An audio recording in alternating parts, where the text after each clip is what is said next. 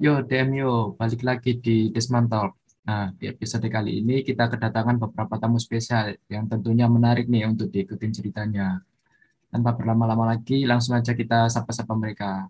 Halo Ani, halo Reza, halo Alif. Halo Mas. Halo Mas. Halo Robin. Nah, buat yang belum tahu nih, mereka ini siapa sih? Mereka ini adalah orang-orang yang uh, berhasil menjuarai di kompetisi Lomba Marine Icon 2021 yang diselenggarakan oleh Marine Engineering FTK ITS. Nah, mungkin bisa diceritakan ya tentang lomba apa sih yang diikutin kemarin? Oke, terima kasih ya. Uh, sebelumnya, Assalamualaikum warahmatullahi wabarakatuh. Kenalin, aku Reza Nando Putri dari Prodi D4 Desain dan Manufaktur Angkatan 2020. Uh, eh, mungkin untuk cerita dari lomba kemarin ya, uh, lomba kemarin yang uh, dari tim kami yang kami ikuti yaitu Eco Solar Food Competition uh, di mana di lomba itu yaitu sebuah kompetisi yang memberikan ilmu dan pengalaman kepada mahasiswa untuk meningkatkan motivasi dan mengembangkan teknologi terkini yaitu solar yang dapat diaplikasikan untuk sumber tenaga pada sistem populasi kapal RC. Uh, kompetisi ini sendiri yaitu bertujuan untuk meningkatkan inovasi dari mahasiswa di bidang maritim untuk mengimplementasikan yang berkelanjutan untuk memajukan Indonesia dengan tema yang diambil pada perlombaan ini yaitu kapal penumpang antar pulau KMI Paya. Uh, tim kami yaitu bernama tim Caklang 5 yang berhasil menyabet juara yaitu dua juara sekali fokus uh, untuk yang pertama yaitu juara tiga Eco Solar Food Competition. Dan yang kedua yaitu Best Design Eco Solar Food Competition. Untuk anggotanya sendiri yaitu pertama diketuai oleh Naufal Salitra Golib uh, berasal dari prodi ME 19 untuk anggota yang pertama yaitu Ahmad Baihaki Mubarak berasal dari prodi ME 20 Uh, untuk anggota yang kedua yaitu Iman Iko Dharma berasal dari Prodi DC Angkatan 20 dan yang terakhir yaitu saya sendiri Reza Nanda Putri dari DM Angkatan 2020. Mungkin sedikit cerita itu dari uh, perlombaan ISB. Oke, nah untuk yang satunya nih dari tim Cakalang 15 bisa diceritakan tentang lomba apa sih yang diikutin kemarin Uh, Assalamualaikum warahmatullahi wabarakatuh. Kenalin aku Muhammad Alifan Prastiana dari Prodi Teknik Desain dan Manufaktur angkatan 2020 dari kelas DM 20A. Nah, untuk uh, lomba yang saya ikutin kemarin itu jenis lombanya adalah jenis lomba DBC. Apa sih lomba DBC itu? Jadi lomba DBC itu adalah lomba tentang desain boat competition di mana lomba ini uh, outputnya sendiri adalah mendesain suatu kapal yang sudah ditentukan oleh uh, Marine Air Engineering FTK ITS. Jadi uh, di desain boat competition ini untuk lombanya sendiri itu cukup uh, cukup rumit ya dikarenakan uh, di lombanya sendiri itu kita mendesain suatu kapal serta menganalisis uh, seluruh isinya yang terdapat di dalam kapal tersebut. Nah, beda seperti lomba uh, yang diceritakan oleh Reza tadi yaitu lomba Eco Solar dikarenakan uh, kalau di lomba Eco Solar sendiri itu uh, tidak sampai uh, menganalisis skipping maupun RAO dan lain-lain sebagainya. Sedangkan kalau di DBC sendiri itu lebih lengkap untuk analisisnya itu uh, terdapat juga RAO, kemudian MSI, MSI, dan lain-lain. Nah, seperti itu. Untuk uh, anggota dari tim Cakalang 15 yang mengikuti lomba DPC kemarin, uh, yang pertama ketuanya adalah saya sendiri. Kemudian anggota satunya uh, Mbak Ani Intan Parisia dari DM2 DM19B. Kemudian yang anggota kedua dari Mas Pero Ananda dari prodi ME. Kemudian yang ketiga, anggota yang ketiga uh, dari ME juga uh, Dina Dina Tiba Albaja dan uh, untuk dospen dospen pembimbing dari tim Cakalang tim Cakalang 15 sendiri adalah uh, Bu Bu Ben Anidita. Sekian tentang lomba saya. Terima kasih. Oke, keren banget nih untuk lomba-lomba yang diikutinya. Nah, untuk uh, persiapannya nih, kalian mulai menyiapin untuk mengikuti lomba tersebut itu mulai dari kapan? Mungkin dari tim Cakalang 15 terlebih dahulu. Iya, uh, persiapannya ya. Oh ya, perkenalkan dulu aku Ani yang tadi udah di udah di uh, sebutin Alif sebagai anggota pertama dari DM angkatan 2019. Sebenarnya lumayan cukup lama aslinya. Kita mulai dari dapatnya lomba itu di bulan sekitar bulan Juni. Nah, terus bulan Juni jalan ke Agustus itu kita masuk ke technical meeting dan lain-lain. Terus ada di bulan uh, Juli tanggal 25 sampai tanggal 20 Agustus itu kita uh, ini sih ngumpulin abstrak. Nah, waktu udah ngumpulin abstrak, habis itu udah lolos, akhirnya kita melaksanakan pengerjaan desain di bulan Juli sampai awal November sekitar tanggal 6 gitu. Lalu di tanggal 6 itu sampai dua minggu ke depannya sampai tanggal 14 November sekitar seperti itu itu kita diseleksi menjadi lima finalis besar. Nah kebetulan di DBC ITS itu setelah lima finalis besar itu terbentuk maka itulah yang nanti akan mengerjakan uh, progres final gitu. Nah, sebelum lima finalis besar itu kita kan ngumpulinnya berbentuk Word ya. Nah, nanti setelah ada pengumuman, pengumuman finalis lima besar itu, itu kita menyajikannya ke dalam bentuk yang bisa dipresentasikan atau yang lebih nyaman untuk dipresentasikan, yaitu biasanya tuh PowerPoint ataupun uh, lain-lain yang biasanya dipakai gitu. Terus setelah kita selesai mengerjakan PPT itu tibalah pelaksanaan final itu sekitar tanggal 20 November kemarin.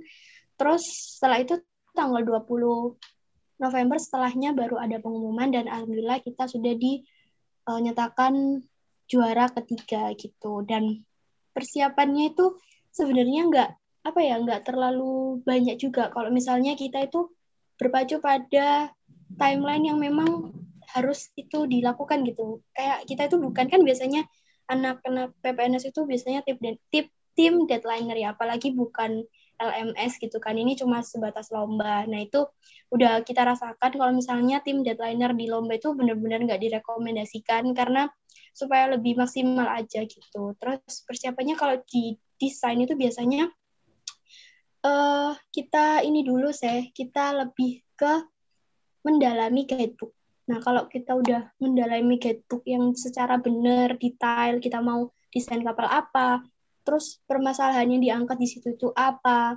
terus apa aja inovasi yang memang bisa disuguhkan di situ. Nah, itu sesuai dengan format sama ketentuan itu harus sama gitu. Misalnya LOA-nya itu harus gini, kapalnya harus berapa GT, terus LPP-nya harus gini, terus uh, kapalnya nanti di rute pelayaran apa. Nah, itu harus benar-benar tahu gitu. Itu persiapan yang awalnya itu harus seperti itu gitu.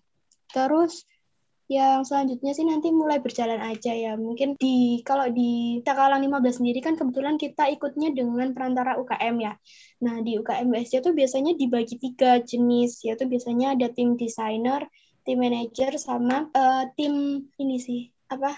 Bukan tim manager, maksudnya tim proposal kayak tim ini sih, tim administrasi gitu proposal PPT kayak gitu. Ada tim desainer juga ada tim yang ngurusin kayak uh, permesinan gitu kalau yang didesain biasanya.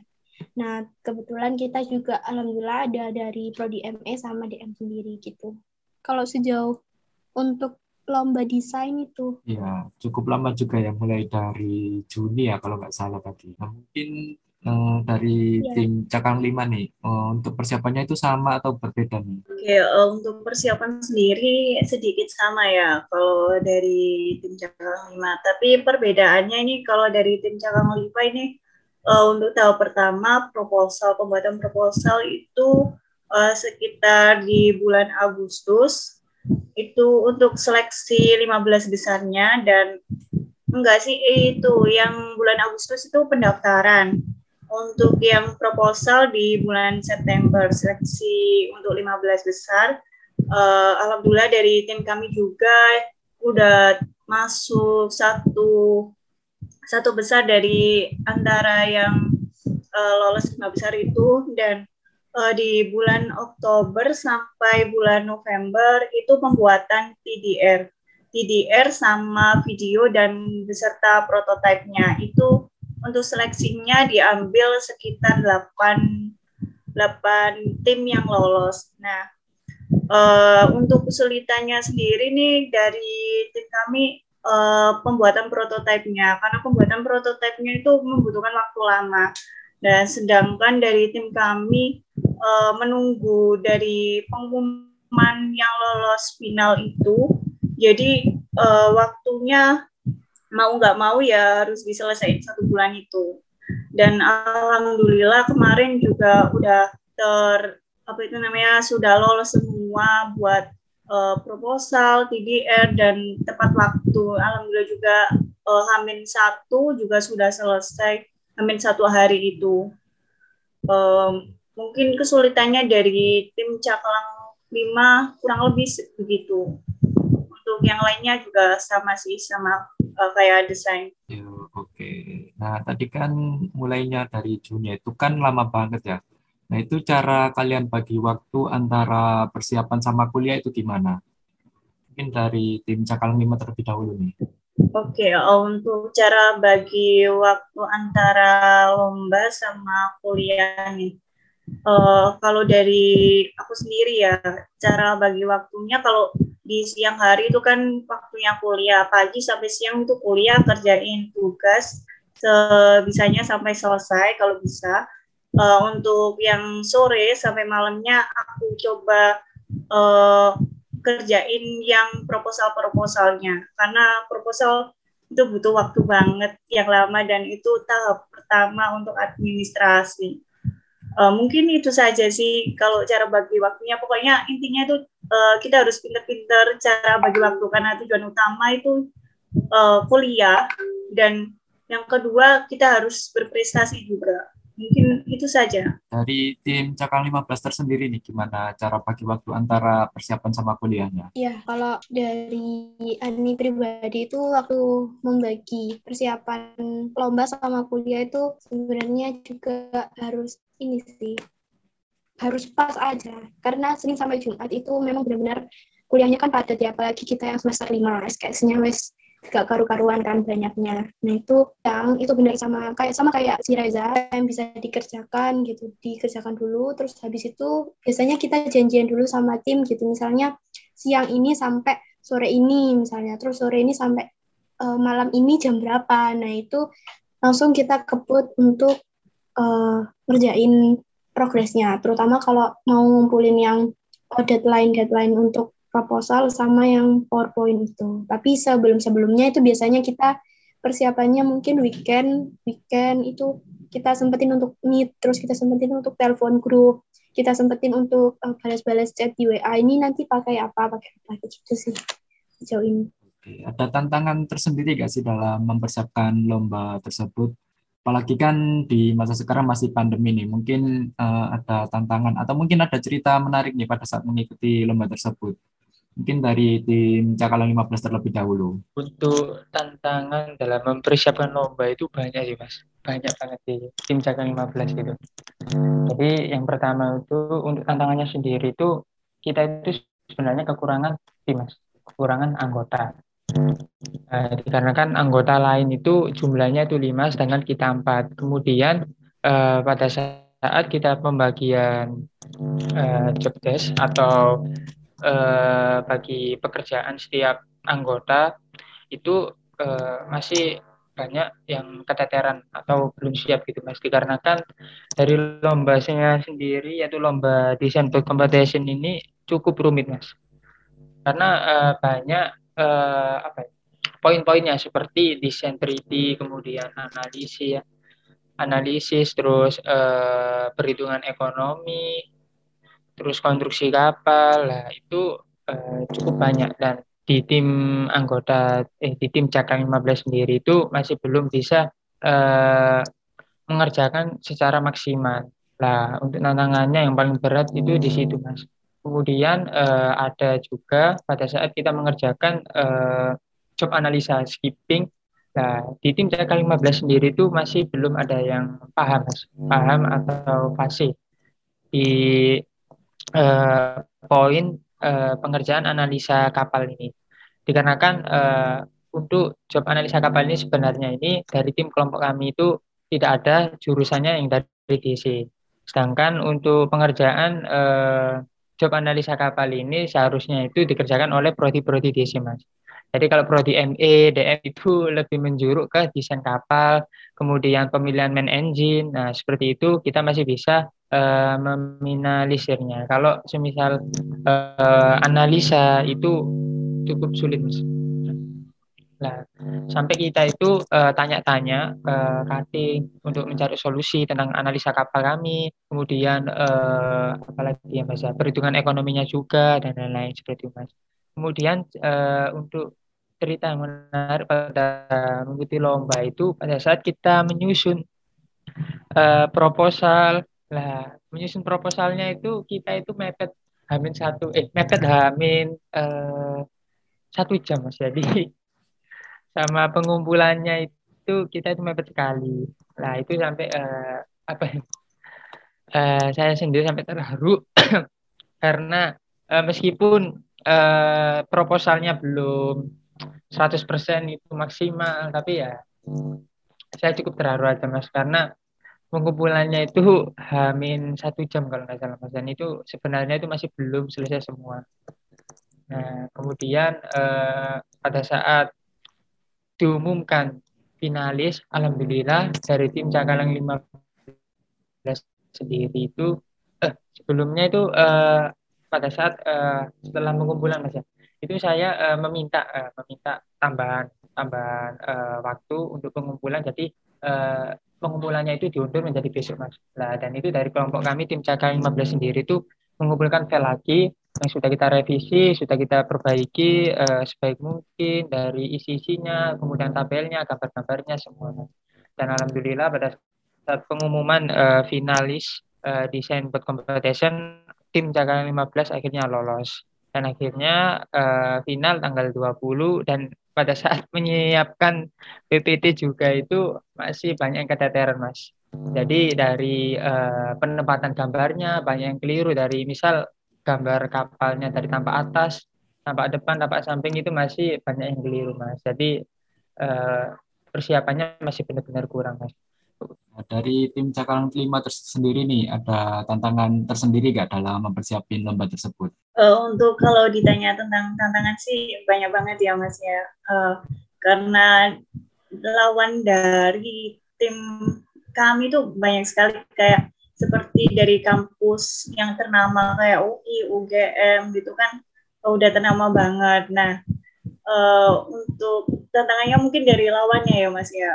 Terus kemarin waktu lomba itu juga ada tantangan waktu pertama. Tahap pertama itu tahap pertama itu ada uh, sedikit kendala, kendala enggak sih yang pertama itu sudah bagus. Pertama sudah bagus waktu res itu uh, lancar, udah urutan nomor pertama. Dan untuk yang race kedua ini ada sedikit kendala, kayak hmm, berhenti di tengah jalan karena uh, lost connect. Nah itu dari situ tim kami kayak merasa oh, gimana nih uh, nanti kalau nggak lolos terus nggak menang karena sudah uh, lanjut di final. Terus nanti kalau nggak menang gimana ya udah jadinya pasrah. Terus yang ketiga ini juga uh, di tengah jalan baterainya habis. Nah, dari situ mulai down-down banget. Terus ya udahlah pasrah aja sambil selawatan.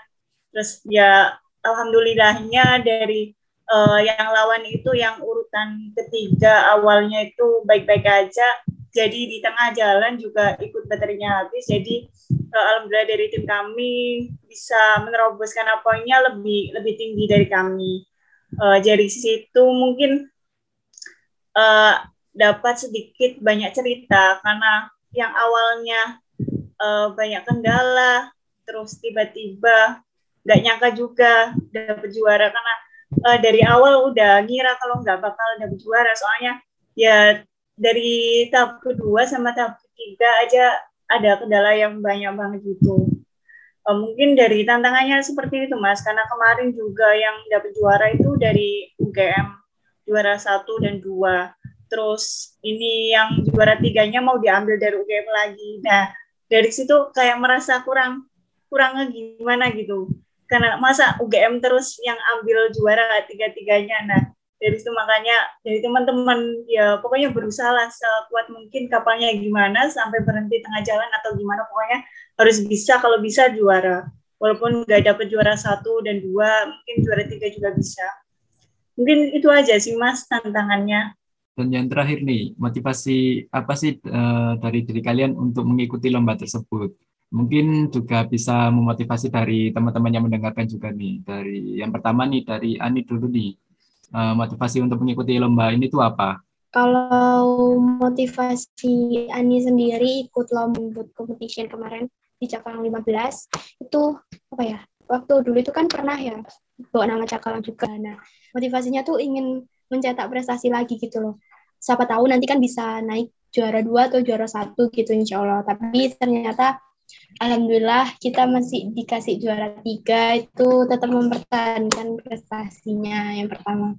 Terus juga nambah nama nama-nama apa ya nama-nama untuk di ini dicantumkan waktu besok di CV kan siapa tahu di kuliah ini juga kita perlu untuk uh, apa ya sertifikat prestasi nah itu itu kan juga dibutuhkan bukti sertifikat yang nyata supaya nama prestasi kita itu bisa dicantumkan di CV itu. Oke, selanjutnya dari Reza nih, apa motivasinya untuk mengikuti lomba tersebut? Oke, oh, untuk motivasi dari saya sendiri kan awalnya, oh ya aku mau cerita dulu nih. Uh, awalnya kan aku masuk ke PPNS ini karena tertarik dari kakak tingkat. Karena kakak tingkat itu uh, ikut UKMBSC juga dan dia selalu dapat juara juga. Nah, dari situ aku kenal PPNS dari kakak tingkat itu. Nah, terinspirasi dari situ. Jadi, uh, kayak pengen gitu, pengen kayak uh, gimana sih caranya jadi juara biar kayak kakak tingkat itu kayak uh, terinspirasi. Nah, dari situ uh, aku coba coba ikut UKM WSC. Awalnya nih malu-malu uh, untuk gabung di UKM WSC, tapi uh, lama-lama banyak kenalan jadi uh, PD dan untuk motivasi sendiri ikut lomba ini uh, karena kuliah itu juga nggak nggak melulu tentang uh, mata kuliah dan IPK belaka, tapi kita juga harus meningkatkan prestasi buat nanti ke depannya karena uh, kerja juga dibutuhkan seperti pengisian CV kayak uh, mungkin dari kamu pernah ikut lomba apa aja dan penghargaan apa aja yang kamu raih. Nah, kalau semisal dari CV itu udah ada penghargaan, mungkin bisa dilirik nih dari CV-nya. Nah, mungkin dari teman-teman bisa terinspirasi buat uh, perbanyak ikut lomba biar nanti kalau kerja uh, dari CV-nya itu bisa uh, dilirik. Nah, uh, mungkin motivasi untuk yang lain ya karena dari diriku sendiri kan pengennya jadi orang yang kayak berprestasi gitu mas nah karena dari dulunya SMA juga uh, sudah ikut lomba tapi gagal terus ya kayak pesimis tapi walaupun pesimis aku coba lagi di kuliah ini siapa tahu bisa. Dan alhamdulillahnya sekarang juga bisa buat dapet juara. Nah mungkin dari teman-teman bisa perbanyak lomba buat nanti ke depannya buat uh, kerja nanti. Karena um, membutuhkan banyak banget uh, kerja juga membutuhkan skill dan dari situ kita bisa berlatih buat ikut perbanyak lomba. Mungkin itu aja mas motivasi dari saya. Oke, dan yang terakhir nih uh, dari Alif sendiri, uh, motivasinya untuk mengikuti lomba tersebut itu apa? Uh, baik. Jadi uh, untuk motivasi saya sendiri itu kurang lebih sudah sama ya mas ya, sudah sama yang sudah disebutkan oleh Reza sama Mbak Ani. Jadi hampir sama, tapi untuk yang pertama tetap motivasi saya yang pertama adalah ingin membanggakan kedua orang tua saya mas. Jadi saya membanggakan kedua orang tua saya itu dengan cara saya meningkatkan eh, prestasi-prestasi uh, yang ada di kuliah maupun uh, di rumah. Jadi pada saat saya mendapatkan penghargaan itu orang tua saya langsung bangga gitu mas dan itu membuat saya uh, senang juga bahagia dan uh, saya juga ingin mengikuti lomba-lomba terus menerus hingga ya ganti mas. Kemudian yang kedua itu motivasinya itu uh, yang pertama itu dari eh yang kedua itu dari SMK mas. Jadi pada kelas 3 dulu saya pernah mengikuti uh, lomba lomba SEC yaitu lomba Student Engineering Challenge. Nah, di mana lomba ini itu tentang eh, CAT Mas pada kelas 3 SMK dulu. Nah, pada saat saya mengikuti lomba ini itu saya dipaksa sama guru SMK saya. Nah, jadi saya dipaksa, kamu ikut toh, ikut toh, gak apa-apa, kalau menang udah biasa kok. Pokoknya melu oleh pengalaman aja. Nah, saya disuruh guru saya terus dikasih omelan sedikit seperti itu lah pas saya ikut lomba SED meskipun uh, saya nggak juara mas kamu uh, nggak juara tapi saya uh, alhamdulillah masuk uh, di finalis di 20 besar. Uh, itu uh, lombanya kalau nggak salah itu nasional diadakan di ITS lah itu membuat saya senang mas. Meskipun saya kalah di finalis jadi uh, dari situ saya uh, memantapkan setelah lulus SMK, kemudian terjun di PPNS, kalau saya diterima itu saya akan mengikuti lomba sebanyak mungkin. Jadi eh, saya pokok ikut lomba-lomba, pokok eh, urusan kalah menang itu sudah biasa mas. Pokok saya ikut dulu, biar saya mendapatkan pengalaman yang banyak. Nah, kemudian juga saya mengikuti lomba itu, eh, lomba-lomba ini juga berharap mendapatkan eh, uangnya mas dan sertifikatnya karena uang eh karena sertifikatnya sendiri ini juga bisa buat kita untuk melamar di pekerjaan yang kita inginkan. Jadi nggak nilai IPK saja. Nah, kurang lebih seperti itu. Kemudian untuk motivasi dari teman-teman, ya pokok dari teman-teman, terutama dari Prodi DM, eh, jangan pernah mengeluh. Misal kita mengikuti lomba, kemudian pada saat kita mengikuti lomba tersebut, eh, banyaklah kerjasama sama teman-teman kalian. Meskipun kalian uh, di situ anggapannya itu bahan atau uh, baru terjun pertama kali, nggak apa-apa. Jadi uh, untuk teman-teman harus tetap semangat dan uh, belajar ya, belajar agar uh, pada saat mengikuti lomba tersebut itu ya tidak uh, membebani terlalu berat meskipun kalian di awal-awal. Nah, karena uh, prestasi kalian nanti juga bisa membuat orang tua kalian bangga, kemudian kampus bangga dan memudahkan kalian pada saat uh, mencari pekerjaan. Seperti itu Kurang lebih seperti itu Mas uh, dari saya. Mungkin dari teman-teman juga bisa mendapatkan uh, insight baru dari podcast ini bisa uh, untuk ikut ikut lombanya terlebih dahulu nih menang kalah urusan belakangan Mungkin itu saja untuk podcast kita pada episode kali ini. Terima kasih kepada teman-teman semua yang sudah mendengarkan podcast ini sampai akhir. Kita ketemu lagi di episode selanjutnya. Bye